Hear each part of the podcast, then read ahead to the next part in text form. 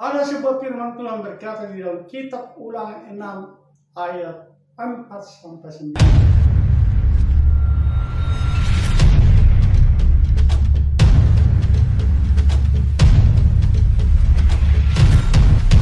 Dengarlah hai orang Israel, Tuhan itu Allah kita, Tuhan itu Esa. Ayat itu menegaskan kepada kita sekalian umat Kristiani bahwa orang Kristen sesungguhnya sungguh-sungguh percaya bahwa Tuhan yang kita sembah itu Esa adanya. Tuhan yang maha besar, yang maha tinggi itu yang bagi kita dulu sangat transenden, tetapi ia juga sekaligus imanen.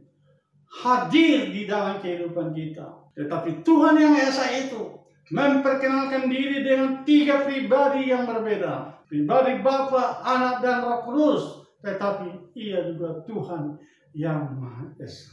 Tuhan yang Maha Esa itulah yang memperkenalkan diri kepada kita melalui pribadi Tuhan Yesus Kristus yang mengatakan Aku dan Bapa adalah satu. Dan demikian kita bersyukur sebagai orang Kristiani bahwa kita memiliki Tuhan yang Maha Kuasa, Tuhan yang menciptakan segala sesuatu, Tuhan yang berdaulat atas segala sesuatu, Tuhan yang memiliki semua yang kita cari-cari di dalam kehidupan kita. Apa maknanya itu bagi kita, saudara? Maknanya yang paling utama adalah alangkah bijaksananya jika setiap saudara dan saya sungguh-sungguh berjuang, bekerja, mencari nafkah, berjadi payah bersama dengan Tuhan yang memiliki segala sesuatu.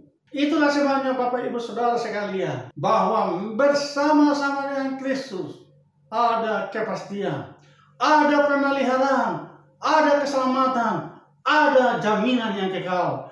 Kita terjamin baik dalam perkara-perkara jasmani, demikian juga dalam perkara-perkara rohani. Itulah sebabnya setiap orang Kristen harus yakin ketika ia transmigrasi atau berpindah dari dunia kepada kehidupan yang kekal, kamu tahu ke mana arahmu. Arahmu itu sudah jelas, yaitu bersama ya dengan Tuhan di dalam kekekalan.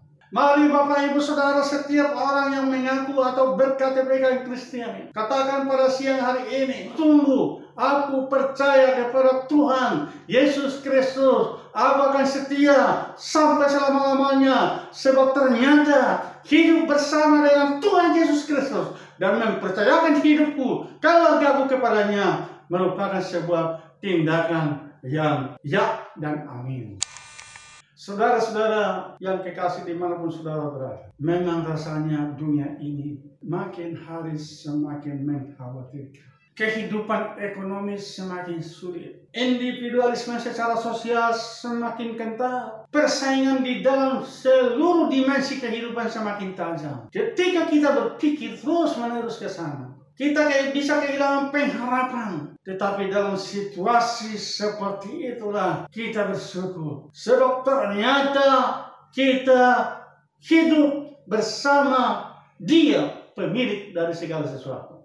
Pemeliharaan perlindungan yang kita butuhkan di segala kondisi-kondisi yang memprihatinkan. Ternyata hanya bisa kita dapatkan jika bersama dengan Tuhan Yesus Kristus. Mari, jangan teruskan dirimu berjalan sendiri. Jangan teruskan mengharapkan pertolongan orang. Jangan yakinkan dirimu bahwa segala sesuatu akan berjalan dengan baik. Tetapi katakan pada dirimu, masa depanku cerah, masa depanku gilang gemilang, panenku akan semakin nyata. Sebab aku berjuang bersama dengan Tuhan Yesus Kristus, Allah yang Maha Kuasa, Tuhan yang Esa itu, yang ternyata sungguh-sungguh hadir dalam kehidupan setiap orang yang menyerukan namanya.